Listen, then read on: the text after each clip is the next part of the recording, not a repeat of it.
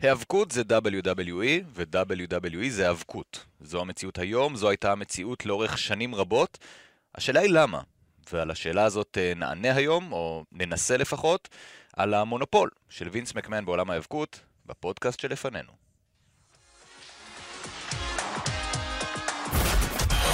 חמש רדיו. הפודקאסטים של חמש רדיו. גברים בטייץ. ניר קפלן וחברים מרוצים בכאילו.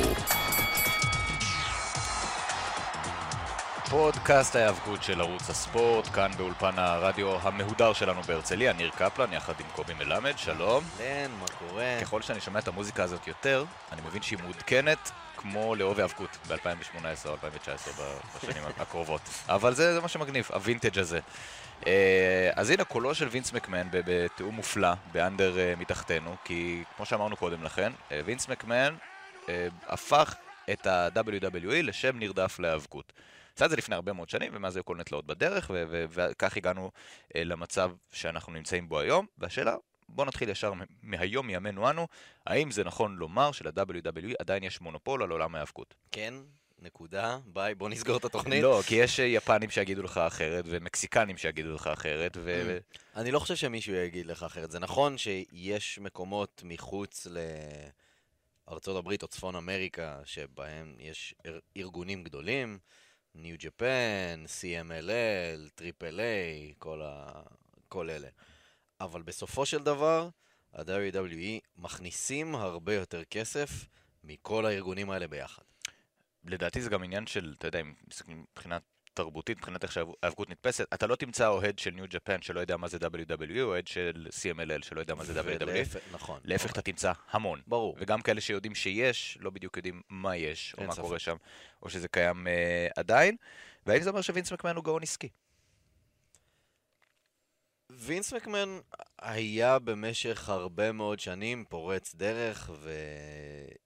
ואיש עם חזון שראה דברים לפני ששאר הביזנס, שאר, שאר האנשים בביזנס ראו אותם. גאון עסקי היום, אתה יודע, יש כאלה שיגידו שכן, יש כאלה שיגידו שלא, יש uh, שיגידו שהוא, שהוא שומר על הסטטוס קוו מאוד מאוד יפה, יש כאלה שיגידו שהוא שם לעצמו מקל בגלגלים. בזה שהוא שומר על הסטטוס קוו? בזה שהוא מפחד היום לעשות שינויים. שאלה אם זה לא לגיטימי, כי שמע, הוא, הוא, הוא שומר את הסטטוס קוו, ו, ולמה לא לשמור על הסטטוס קוו? הרי מתחרים אין לו וגם לא יהיו בעתיד הנראה לעין כנראה. כלכלית, אין לו שום סיבה לשמור על הסטטוס קוו, אלא אם הוא רוצה להעלות עוד יותר את הרווחים של החברה. או להפסיד.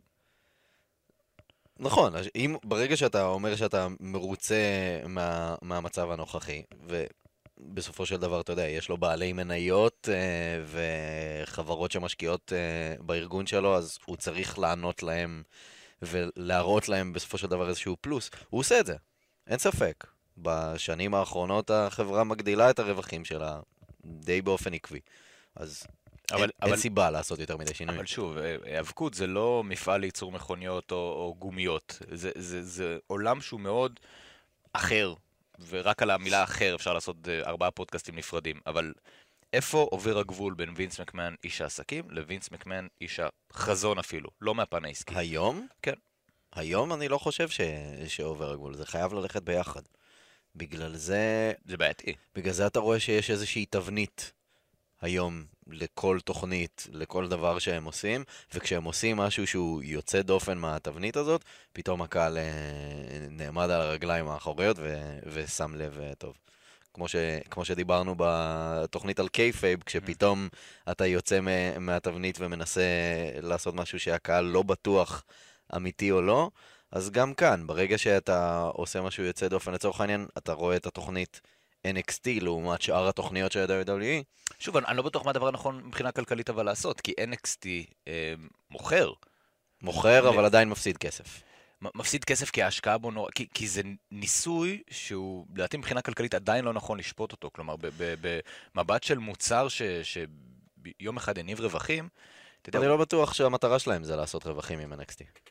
אלא לעשות רווחים לברנד הגדול יותר. המטרה ב... של NXT בסופו של דבר זה לפתח, לא רק מתאבקים אגב, גם צוות צילום והפקה לומד את מה שהוא עושה שם לפני שהוא עובר לרוסטר הראשי. כאילו ליגת פיתוח לכל מי כן, שנוגע אז לעניין. זה בסדר, זה איזשהו הפסד מחושב שהם בסדר איתו. על הדרך, לצורך העניין יש לך אירועי NXT לפני pay-per-views גדולים, הם בדרך כלל מוכרים יפה אין ספק. מאוד. ברור, ה live shows שלהם מוכרים יופי של uh, מספרים של כרטיסים, אבל כמות ההפקה ביחס למה ש, מה שהם עושים עם המופעים האלה, כן. זה הפסד, וזה בסדר, כנראה, אני מניח. כן, זה- זה- פה, פה נכנס העניין של איש עסקים שיודע, מכיר לחלוטין את כל התמונה. ו- ומה מרוויח לו ומה לא.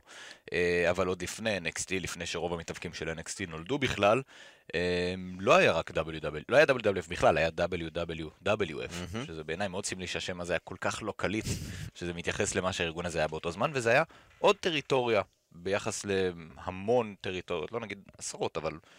אה, עשרות, אפשר להגיד עשרות, אה, היו באזור ה-30-40, כן, אבל היה לך. קטנות מאוד כאלה של פורטלנד וכאלה, והיה לך נכון. את, הגדולות יותר שניו יורק הייתה מתוכן, כן. שזה היה, וזה הגיוני שעד שנות ה-80 בערך הכל מאוד גיאוגרפי, כי טלוויזיה היא לא לגמרי שם מבחינת הכבלים, בדיוק. ו... ו, ו טלוויזיה זה פשוט היה ער- ערוצים מקומיים. כן, אז כל אחד שידר את זה שלו. איך היינו מאפיינים את עולם ההיאבקות באותה תקופה, מבחינת המוצר? מבחינת המוצר ברוב המקומות, שוב העניין שאני אני- אני חוזר אה, לעניין ה kayfabe, kayfabe היה חי וקיים מאוד חזק, אה, הרבה מאוד אנשים לא חשבו על זה בראש שהעניין אה, מבוים. מבוים. אה, וגם המוצר היה מוצג ככה, זה היה יותר מוצר שהוא כביכול אתלטי, מוצר הרבה יותר איטי גם. ה- האבקות, כשאתה משווה אותה לאיך שהיא נראית היום, היום הקרבות הרבה יותר מהירים ממה שהם היו פעם. כן. אה, אבל אתה לא יכול לדעתי לשייך לטריטוריה, זה פשוט העולם. זה, ככה זה היה, ב... מוצרי תרבות. נכון, ככה, ככה, קרב האבקות היה נראה פעם. אמ, אבל אתה גם רואה שאיך שהיו מציגים את הקרבות, זה היה יותר עניין של תחרות ספורטיבית, אה, דברים שהם יותר בסיסיים. לא הייתה לך עלילה מאוד מאוד מורכבת. אמ, וגם המוצר הטלוויזיוני היה הרבה יותר בסיסי, מבחינת התצוגה. ואז מגיע וינס מקמן עוד, ואומר... עוד לפני, עוד לפני אוקיי, שנגיע לווינס כן. מקמן, כי אני, אני רוצה להיכנס למשהו קצת יותר אה, בעניין של המקומיות של הדבר הזה. ילד Mhm. מדאלאס שהריץ את הוונריקים כן. והלך כל יום לספור- ל- ל- לאודיטוריום הזה, שלא לא ידע, לא ידע מי זה... ידע מי זה אל קוגן, נכון. לצורך העניין, לא למרות ידע. שהוא היה ריק פלר, אלא אם הוא היה קורא את המגזינים שהיו אז באותה תקופה של ההיאבקות, סביר מאוד להניח שהוא לא היה מכיר. זה, זה קרה עד שנכנסו כל מיני מדיומים אחרים. אמ, אבל לצורך העניין, הרבה פעמים הם כן היו יודעים בגלל שמתאבקים היו עוברים בין טריטוריות. כן. זה כן היה קורה. ריק פלר לצורך העניין היה מטייל אה, בכל כי הוא היה אלוף הטריטוריות העולם של הדרום. ה-NWA, של האיחוד של כל כן. הטריטוריות הקטנות אנדרה יותר. דה ג'יינט כנ"ל, הוא כן. היה פשוט אה, עושה כמה חודשים באיזשהו מקום, ממשיך הלאה, אה, ו- וחוזר, היה עושה מין לופ כזה של כל כמה שנים הוא חוזר לאותן טריטוריות. מהמם. אה, מעבר לזה, לצורך העניין, אנשים כמו טדי ביאסי, לפני שהם הגיעו לניו יורק, אנשים בניו יורק לא ידעו מי זה. אה, שבניו יורק זה היה בעצם וינס מקמן סיניור עוד באותה תקופה, וינס מקמן כן. הגדול, כן. ומה ראה הבן שלו? שהוא לא ראה, שאף אחד אחר לא ראה. איך הוא הביא את ה... איך הוא ראה, איך וינס מקמן מסתכל, ניקח אותך לאזור 82-83 כזה, רגע לפני הבום הגדול, וינס מקמן הצעיר מסתכל סביבו ואומר, אני יכול לעשות את זה אחרת. מה זה האחרת הזה, אם נשים את האצבע? היו, ש... היו שם כמה פקטורים. קודם כל, הטלוויזיה בכבלים נכנסה, אה, נכנסה לעולם, בארצות הברית לפחות, ב-1983. הוא הראשון שחתם חוזה עם אה, כבלים, עם אה, USA Network, שעד היום הם אה, הולכים יד ביד. אה, הוא הראשון שחתם על, אה, על חוזה טלוויזיה ארצי בכבלים. הרבה מאוד מהארגונים האחרים חשבו שכבלים זאת לא אופציה. אה, גם כשהם שמעו שהדבר הזה הולך להתחיל והציעו להם חוזים והם חשבו על זה, הם אמרו זה לא הולך להצליח, אנחנו לא מכירים שום לא, פורמט כזה. גם יותר מזה, הייתה חשיבה שאנחנו מכירים אותה מעולם הספורט הלגיטימי יותר במרכאות כדורגל וכדורסל. אם נשדר את זה בטלוויזיה, הם לא יבואו לראות באולם. נכון. הייתה חשיבה כזאת כלכלית, שהיא היום נשמעת מגוחכת. נכון. אה, וגם מהבחינה הזאת הוא היה פורץ דרך. אה, אז זה פקטור אחד של וינס. מעבר לזה, שוב בעניין הטלוויזיה, הוא פשוט, הוא פשוט היה מגיע לארגונים מקומיים ולוקח את חוזה הטלוויזיה המקומי של הארגון. לצורך העניין, אה, ב-84 יש את Black uh, Friday, שהוא פשוט בא ל Georgia Championship Wrestling, שאחר כך הפך ל-WCW. הוא בא לשם, לקח את החוזה הטלוויזיוני של הארגון, ויום אחד ביולי הוא פשוט מופיע מול מסך הטלוויזיה. אתה בן אדם שרוצה לראות Georgia Championship Wrestling, רואה, איזה בן אדם שהוא לא מכיר, בחליפה, ואומר, היי, אני וינס מקמן, מעכשיו התוכנית שאתם תראו זה לא Georgia Championship Wrestling, זה אנחנו. שבעיניי זה הבום הגדול. כי כן. פה כל העניין הטריטוריאלי שדיברנו עליו קודם, שהחזיק עשרות שנים, בשנייה, ביום אחד, כמו שאתה אומר, פשוט התהפך, וילד מג'ורג'יה פתאום רואה את המתאבקים מניו יורק. נכון. ורסלמניה. למרות שלפעמים הוא מזהה גם אנשים שהיו אצלו בגלל ש... כן, אבל אתה יודע, זה, זה. זה כאילו על הדרך ופה ושם, ורסלמניה, אם אנחנו שמים את זה מבחינת, אפילו מדרגים את העניין הזה, את עניין הטלוויזיה בכבלים ואת הפלישה לטריטוריות אחרות, מהמם. איפה היית מדרג את רסלמניה? יחסית לגדול יותר, גדול פחות מהשניים רס-. רסלמניה היה הימור ענק, זה כאילו לקחת את מה שעשית, את, את, את מה שדיברנו עליו של להשתלט על טריטוריות קטנות, ו, ולשים אותו ממש בפרצוף של אנשים, ולהגיד הנה אני פה. אמ, אתה, יכול, אתה כצופה יכול לראות אותי בכל מקום בארצות הברית, מה שנקרא אז closed circuit, לפני שהיה את ה-pay-per-views. אמ, ואת, ואתה שם את עצמך ממש על המפה, לא משנה מה, לא משנה איפה אתה גר, תהיה לך אופציה איפשהו בסביבה שלך, גם אם זה לא בבית, אז באיזשהו בר ליד, או איזה תיאטרון אה, או אולם קולנוע, אתה יכול לראות את המופע שלי. ו- וזה בהקשר למה שאמרנו קודם, כי פתאום הילד מ- מ- מפה רואה את, אה, את ריקי סטימבוט שהוא מכיר כשהוא היה בארגון שלו, מהמם. ואת טל קוגן שהוא מכיר ממיניאפוליס באותה תקופה, ו- וכל מתאבקים שהיו, ומיסטר טי, והוא מכניס פתאום כן. סלבריטאים שהם הם ארציים לגמרי, אה, ולוקח את זה כאילו לשלב הבא. עצם הפשיטות האלה שהוא עשה על מתאבקים מארגונים אחרים, שזה גם מה שלא כל כך עשו עד אותה תקופה, של לא. לבוא ולזרוק כסף על מישהו ולקחת אותו בחוזה. כן. אה, יש פה המון הימורים כלכליים. האם פה נכנס העניין של גאון עסקי שרואה חמש שנים קדימה? לגמרי, ברור. אמ, הוא עשה דברים שלא, שעובדתית לא נעשו בביזנס לפני שהוא הגיע. אמ, לבוא ולהשתלט על טריטוריה, זה לא היה קורה. הם היו נורא, בתקופה ההיא הבעלים של כל הארגונים הקטנים היו מאוד מכבדים את האזור אחד של השני, ואומרים, קוד. כן, אני מגיע מכאן עד לכאן, ומשם זה כבר השטח שלך, ואנחנו ממש בסדר עם זה. ובוא נתמודד עם זה ביחד, ואפילו בוא נשתף פעולה בקטע של אם יש אצלך מישהו טוב, תביא אותו אליי, אני אביא לך מישהו אחר במקום. מיץ מקמן בא ואומר, "אה, אם יש אצלך מישהו טוב, אני רוצה אותו, למה שאני אתן לך משהו בחזרה? אני רוצה אותו אצלי. כן, ואני פשוט אתן לו הרבה כסף, כן. וזה יסתדר בסופו של דבר. ובעיה שלך, אם אתה לא רוצה לשלם לו את הסכומים האלה, אז תתמודד. כן, ואכן זו הייתה בעיה של כולם פחות או יותר, עד- בדיוק. עד אה, 1990, כי אז למעט ה-AWA וה-NWA, כולם נעלמו פחות או יותר. כן, אמ, אבל אם, לצורך העניין, בא פריץ ונריק שכזה, שמקדם היאבקות בטקסס, או סטו הארד בקנדה, או כל promoter אחר באותה תקופה, בא ועושה את אותם מהלכים שווינס מקמן עושה. זה יכול היה לעבוד? יכול להיות שהיום אה, דאלאס הייתה המרכז של ההיאבקות העולמית? תיאורטית, כן, השאלה היא, אתה, אתה צריך לבוא עם איזשהו חזון ועם איזושהי צפייה קדימה על המקום שאליו טלוויזיה הולכת אפילו. עזוב, עזוב היאבקות והביזנס, זה העניין של לראות לאן מוצר טלוויזיוני הולך להתקדם ולאן ארגון גלובלי יכול להתפתח, ואני לא חושב שהייתה להם את ההשקפה הזאת. גם אתה רואה את זה על WCW, שבמשך כמה שנים ניסו איכשהו לפרוץ קדימה, פשוט לא הצליחו. עד שבא מישהו שהוא... מבין עם- טלוויזיה ש... קודם כל. כן, שהוא בא עם ראש חדש. למרות שכשהם הביאו אנשים שרק מבינים טלוויזיה ולא מבינים האבקות, גם אז זה לא עבד.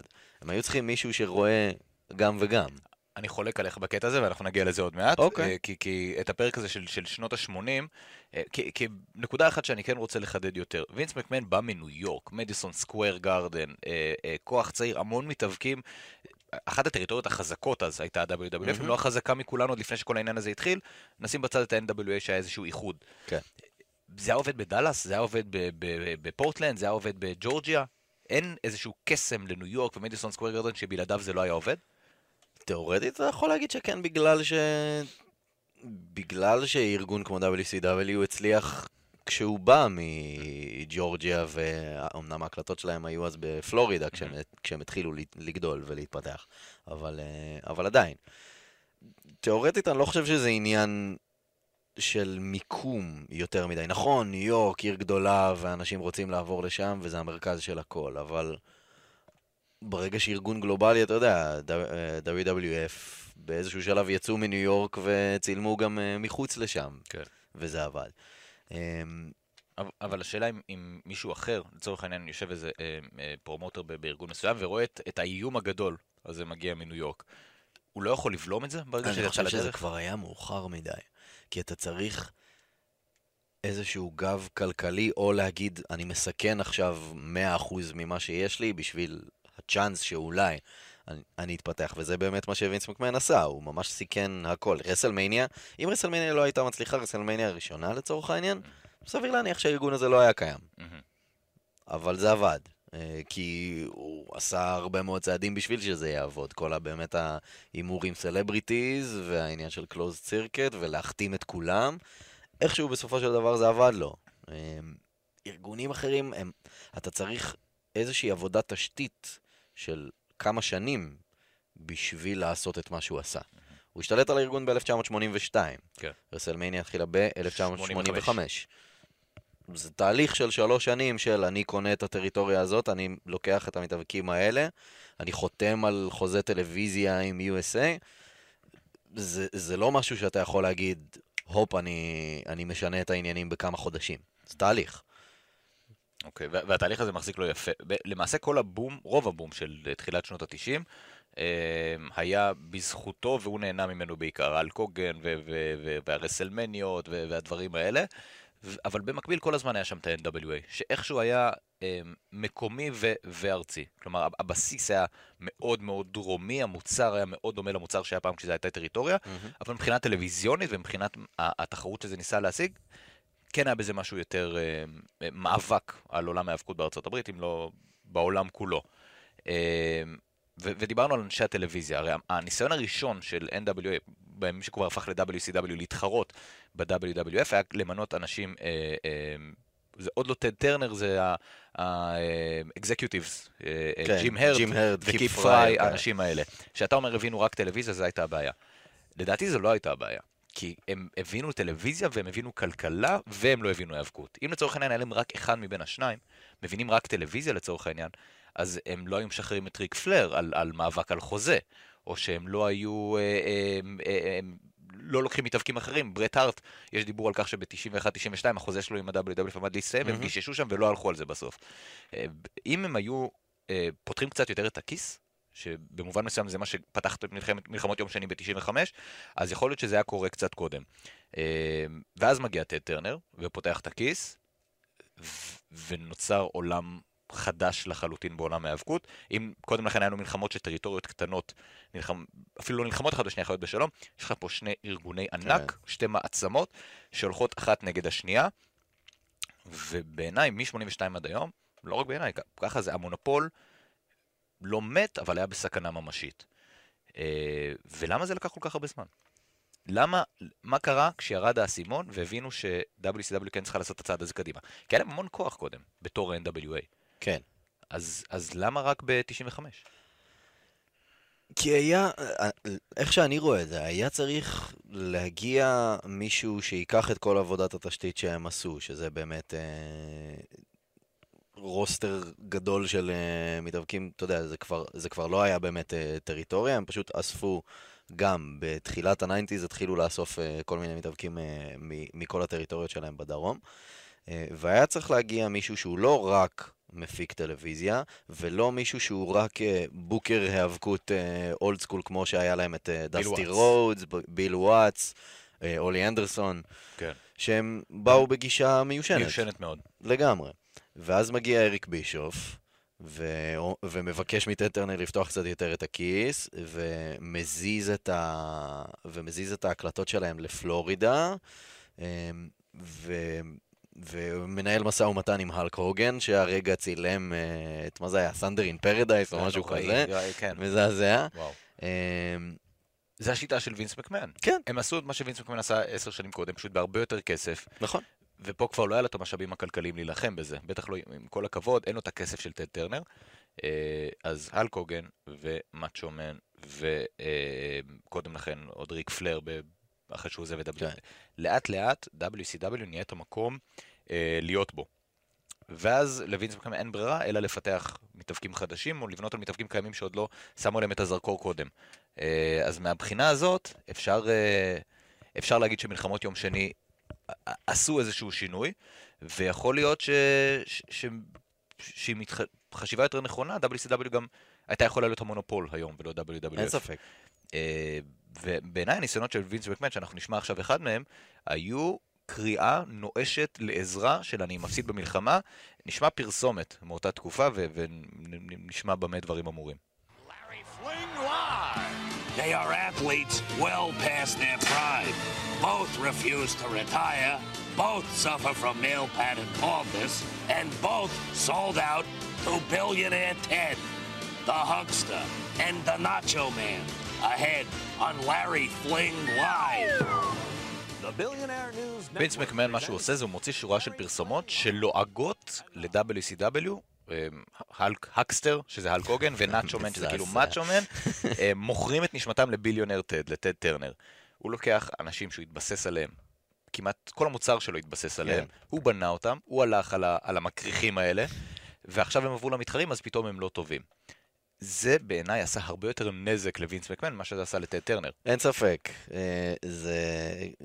כבר אז המערכונים הקטנים האלה נתפסו בתור אה, משהו מגוחך ובאמת נואש. אה, ובאמת אה, וינס מקמן היה במצב מאוד נואש. 96-97, המצב של החברה לא היה טוב, הוא הפסיד הרבה מאוד כסף, הוא הפסיד ברייטינג. אה, הוא היה חייב לעשות איזשהו שינוי מאוד מאוד גדול, ואני חושב שבאמת הנכונות שלו זה מצחיק להגיד את זה עכשיו, כי, כי היום אנחנו ממש מתלוננים על ה-WWE שהם לא משנים שום דבר והם הולכים עם איזושהי נוסחה. אז, לפני 20 שנה, כשהם היו במצב מאוד נואש, הייתה שם נכונות מאוד גדולה לעשות איזשהו שינוי ולהשתמש במתאבקים שבמקומות אחרים פחות הצליחו או שלא ראו את הפוטנציאל שלהם, כל מיני סטיב אוסטין, מיק פולי, טריפל אייץ', כאלה. אמ, אבל uh, מעבר לשימוש במתאבקים האלה, הי- היה... הי- הייתה איזושהי נכונות לעשות איזשהו שינוי ולהגיד בוא, בוא ניקח את התפיסה שלנו, לצורך העניין האטיטוד רק הוא לא, זה בוא ניקח את המוצר שעשינו עד עכשיו, בוא נפנה לבני נוער, בוא נעצור נפנה... את זה, זהו. ונעשה, ונעשה 180 מעלות.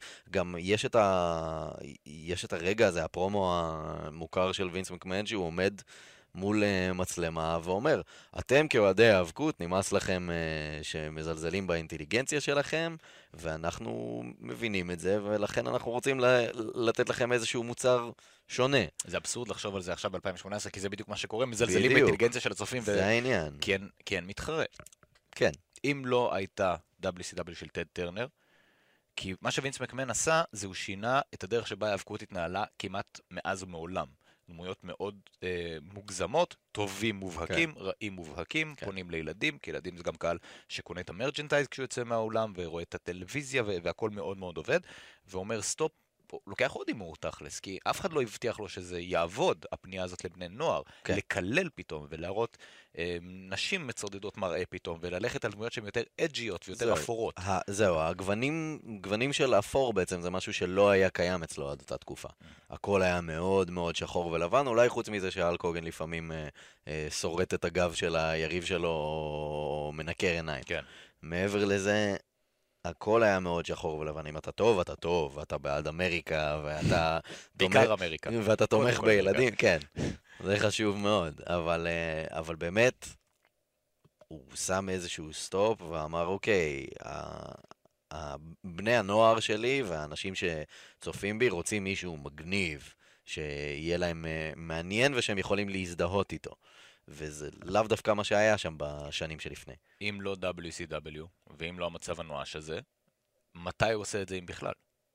לא בטוח שהוא עושה את זה, אני ממש מדמיין את הקסו ג'ים דאגן ג'וניור ב-2018. או ניק הוגן, אם לא... לצורך העניין, כן. אותה תאונה כן. אה, נוראית. אה, יש מצב כזה שב-2018 עדיין היינו עם הדמויות המצוירות האלה? זה עובד זה בעולם שאנחנו חיים בו זה היום? לא עובד. זה לא עובד, אבל מצד שני אתה צריך לדמיין איזושהי סיטואציה שכל הדברים האלה לא קרו, ושזה מה שאתה מכיר בתור ביזנס של האבקות, זה הדמויות האלה של שחור ולבן. סביר להניח שלא היה איזשהו בום פופולרי ענק. אמ, סב- סביר להניח שלא, ש- שלא הייתה לך איזושהי חולצה כמו אוסטין 316, שהיא אחד, אחת מפיסות ה merchandise הכי מוכרות בהיסטוריה, לא היה לך משהו כזה. wrestling היה נשאר, סולידי. כן, נוסחה מוכרת. שמח בחלקו. האלק הוגן היה מתחלף בלקס לוגר, לקס לוגר היה מתחלף בדיזל, דיזל היה מתחלף בעוד האלק הוגן, זה נשמע נורא, זה נשמע מזעזע. אה, אה, אבל הוא כן עשה את הצעד הקדימה הזה, והשאלה אם, אם, ה... אם הצעד קדימה הזה, זה בגלל שהוא הוא חווה את אותו הימור בשנות ה-80 שהלך לו. אומר, בואנה, יש לי ראש לזה. כשאני יוצא מהקופסה, אני עושה את זה טוב. ו... וההיכרות שלו עם עולם ההאבקות, שלאריק בישוף, עם כל האהבה והכבוד והניסיון שלו ב-AWA ו-WCW, הוא לא ינק את זה בבית, לא, כמו לא וינס דבר, מקמן. ברור. אז מה בווינס ניצח לו את התחרות הזאת בסופו של דבר? ברור שהשינוי והאג'יות הזאת, אבל מה באופיו כאיש עסקים, או איש תרבות, או איש, תקרא לזה איך שאתה רוצה, גרם לו לעשות את השינוי הנכון? יש המון סיפורים על איזה בן אדם קיצוני וינס מקמן. אתה יכול לעשות, אנחנו יכולים לעשות סדרה של ארבעה-חמישה פרקים של... אה, ובכולם איכשהו התחת שלו נכנס לעניינים שם. איכשהו תמיד הוא- חשוף- כן. עכוז. ב- בן אדם, שאומר לאנשים שעובדים אצלו במשרד להביא לו סטייק ראפ, ואז במשך שנים קורא לזה ככה, ואז כשאומרים לו בוריטו, אין לו מושג מה זה אפילו, לצורך העניין. אה, כל מיני כאלה. איש ייחודי. כן, אז אתה יכול להגיד שבן אדם כזה אין לו שום גבול. והוא מרשה לעצמו לעשות מה שהוא רוצה, והוא מאמין בזה שהוא יצליח בסופו של דבר. גם באמת חוץ מתקלות בדרך, בסופו של דבר, עד העניין של WCW ושהוא התחיל להפסיד ברייטינג, החברה שלו כל הזמן הייתה בדרך למעלה, והתקדמה וצמחה, אפשר אה, להגיד. תובעים מסוימים במשפטי סטרואידים מסוימים ברור, יחלקו ברור, עליך. ברור, ברור. אני אומר, חוץ מתקלות בדרך, אבל, אוקיי. אבל בסופו של דבר, ההשתלטות שלו על עולם הרסלינג רק גדלה עם הזמן. עד ש... מהמם. וכשאתה רואה רק ניצחונות, וגם בעניין של התובעים ומשפטי הסטרואידים, בסופו של דבר, הוא יצא בסדר. ניצח. כן. אז ברגע שאתה רגיל לנצח כל הזמן, אתה מרשה לעצמך לעשות איזה שהם צעדים שלא היית עושה אה, בסיטואציות אחרות. אני חושב שזה, שזה מאוד אה, עזר. ועובדה שהוא עושה את הצעדים הנכונים בסופו של דבר. כמה, כן. כמה שאנחנו מבקרים אותו כ- כן. כמתווה הדרך ה- האומנותית היצירתית, הכל עובד. מקסימום, עובד. מקסימום הוא קצת פחות גדול. הוא נכון. אף פעם לא באמת קטן. כן. אה, מה טד טרנר עשה לא נכון? מה אריק בישוף עשה לא נכון? היה להם, היו להם את כל המשאבים, והיה להם את כל ה... אה, היו להם את כל הסיבות לנצח.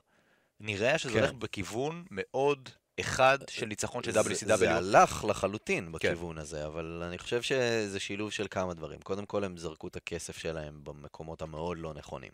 יש לך כל מיני סיפורים כמו uh, The Genius, לני פופו, אח של מאצ'ו מן, שמאצ'ו מן אמר, אתם מחתימים אותי, אני מבקש שתחתימו גם את, uh, גם את אח שלי, ופופו קיבל מאות אלפי דולרים. מתאבק מוכשר. כן, חסר כריזמה לחלוטין. אני מאוד אהבתי את, אתה את מוזר, הג'יניוס, אתה אין מוזר. ספק.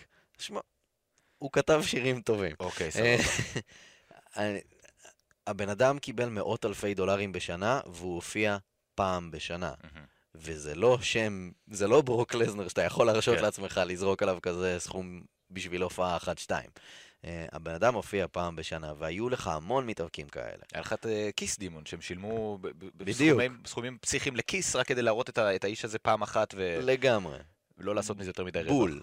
זה העניין, הם פשוט זרקו את הכסף במקומות הלא נכונים, והם גם, גם המתאבקים שהם התעקשו לשים בטופ, הרי הרבה מאוד מהטענות של אנשים על WCW זה למה המיין איבנטרים זה אותם מיין איבנטרים על קוגן ומאצ'ו מן, ואותם אלה שראינו עשר שנים אחורה. וקווין נש וכאלה, ומצד שני, יש לך כל המתאבקים שאחרי זה הצליחו ב-WWE, קריס בנואה, קריס אה, ג'ריקו, קריס ג'ריקו, אדי גררו, כן.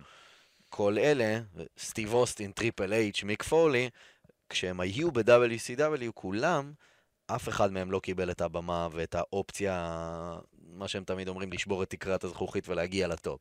כלומר, כסף זה מאוד נחמד, אבל אתה עדיין צריך את הראש היצירתי. של וינס מקמן. אתה צריך מוצר צריך להבין. שימשוך אנשים, כן, אתה צריך להבין האבקות, אתה צריך להבין את הקהל שלך. אריק בישוף לא הבין היאבקות עד הסוף. יכול להיות שהמיתוס הזה, הוא פשוט כי היה לו הרבה מאוד כסף, והוא עשה צעד אחד נכון, בזה שהוא החתים מתאבקים והלך לטלוויזיה. אני חושב שהוא הבין את הקונספט של האבקות, ואני חושב שהוא הבין טלוויזיה הרבה יותר מ- מזה שהוא הבין את הקהל שלו, הוא לא כל כך הבין את הקהל שלו. זה נכון שהוא עלה על דברים מאוד נכונים, כמו NWO וכאלה, אבל בסופו של דבר WCW נפלה בגלל שהם הת- התעקשו על דרך מסוימת, אה, ושמו את הביצים שלהם בסל הלא, הלא נכון. בהרבה מאוד סלים הלא כן, נכונים. הרבה מאוד סלים מאוד יקרים. כן. ב... אז, ואז מגיע אותו יום גורלי ב-2001. מהמם. WCW זה כבר סוג של אה, צל חיוור מאוד של מה שהיה פעם הארגון שאיים על ה-WWF, והם נמכרים ל-WWF כן. במחיר עלות בעקבות... ארבעה וחצי מיליון דולר, משהו כזה. שאיפשהו קראתי שזה בימי הסכסוך המשפטי על ריק פלר, נכנס שם איזשהו סעיף אה, זכות ראשונים ל-WWF במקרה של מכירה. ושמונה שנים אחרי, וינס אוקיי. מקמן קוצר את הפירות, ומופיע ב-WCW נייטרו, ונושא את הנאום הבלתי נשכח הבא. Of WCW. Well, tonight, in a special simulcast, you'll all find out. Because the fate, the very fate of WCW is in my hands. בא וינס מקמן, אני רק רוצה לתקן שהשם על החוזה אומנם הוא מקמן, אבל אה, זה שיין שיין מקמן. מקמן, אוקיי, סבבה. זה, זה השלב הבא בעלילה, ומשם זה רק הלך והידרדר למשהו חסר. כל היגיון. איזה בזבוז. בא בין, אני מנסה לחשוב למה אפשר להשוות את זה בעולם האמיתי, שווינס מקמן מופיע ב-WCW ואומר, אני מחליט על העתיד שלכם. זה ברמת ה...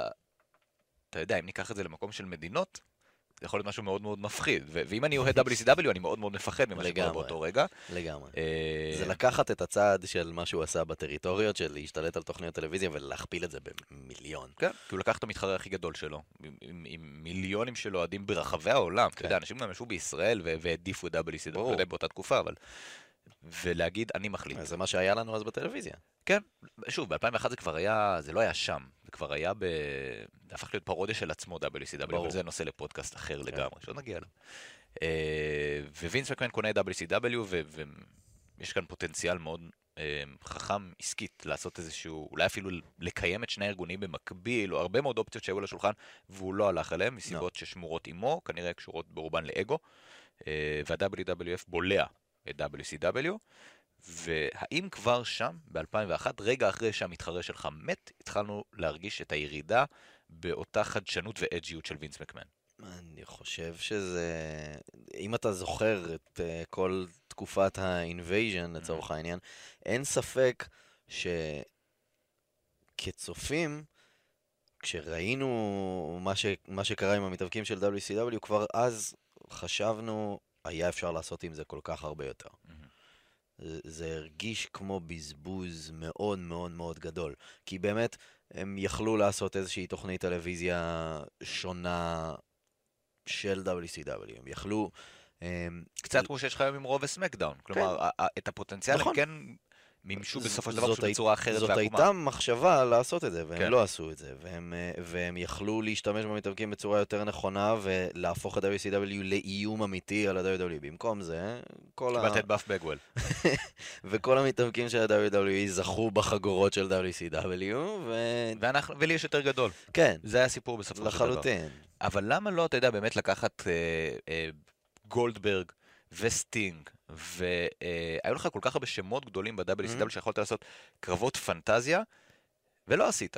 אני חושב שהם, שהמתאבקים לא רצו באיזשהו מקום. אה, היה להם הרי את החוזה הבלעדי הזה של אה, אני עדיין יש לי חוזה שחתמתי עליו כן. ב-WCW ואני מקבל כסף, ואם מישהו רוצה אותי הוא יצטרך לשלם את שארית החוזה הזה. Mm-hmm. אה, ובגלל זה אנשים כמו גולדברג וסטינג, גם פלר הגיע קצת אחרי. כן.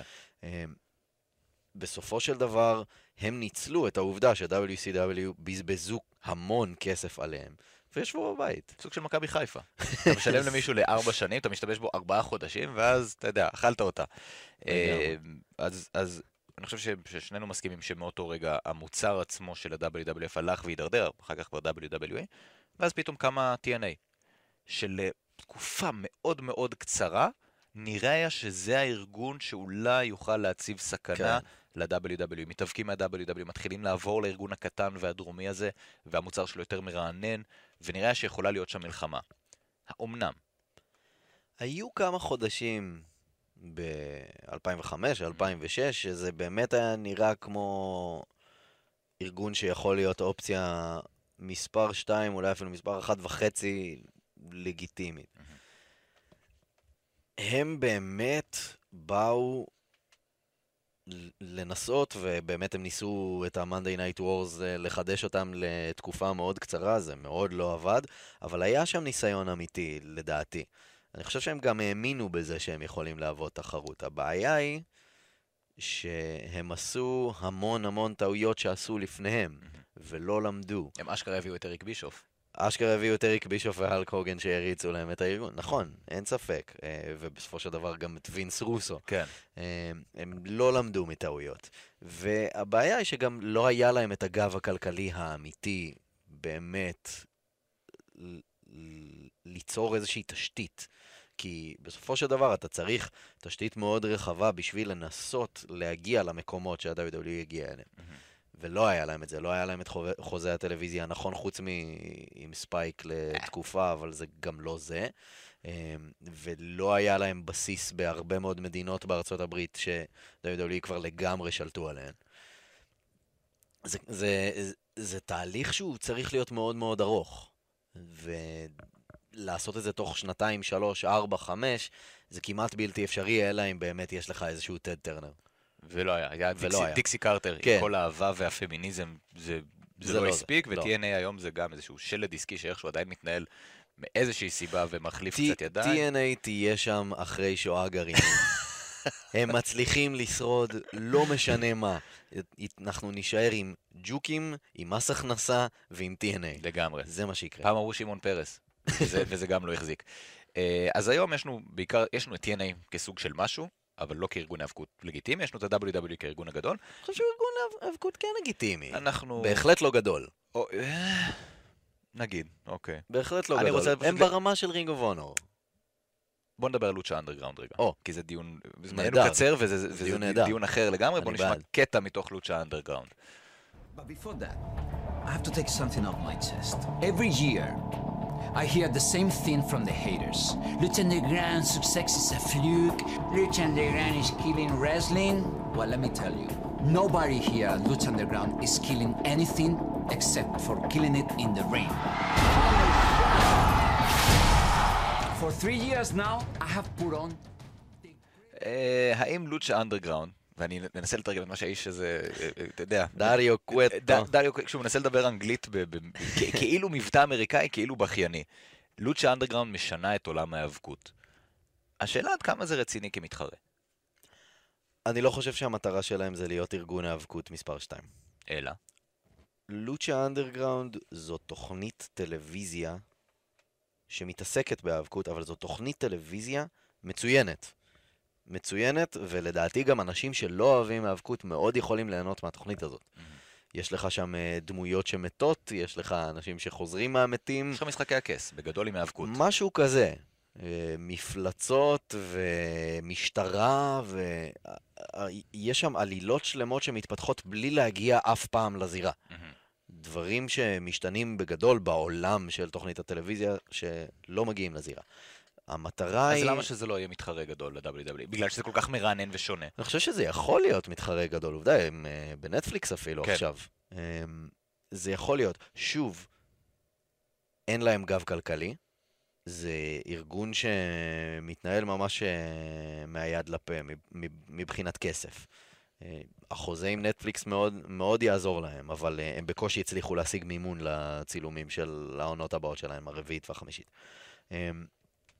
אמ, זאת יכולה להיות תחרות בעניין של תוכנית טלוויזיה שמתעסקת בהיאבקות, אבל הם לא עושים uh, מופעים uh, מחוץ להקלטות הטלוויזיונית שלהם. אה, הרבה מאוד מההתנהלות שלהם שייכת בעצם לטריפל איי, ארגון מקסיקני גדול. כן.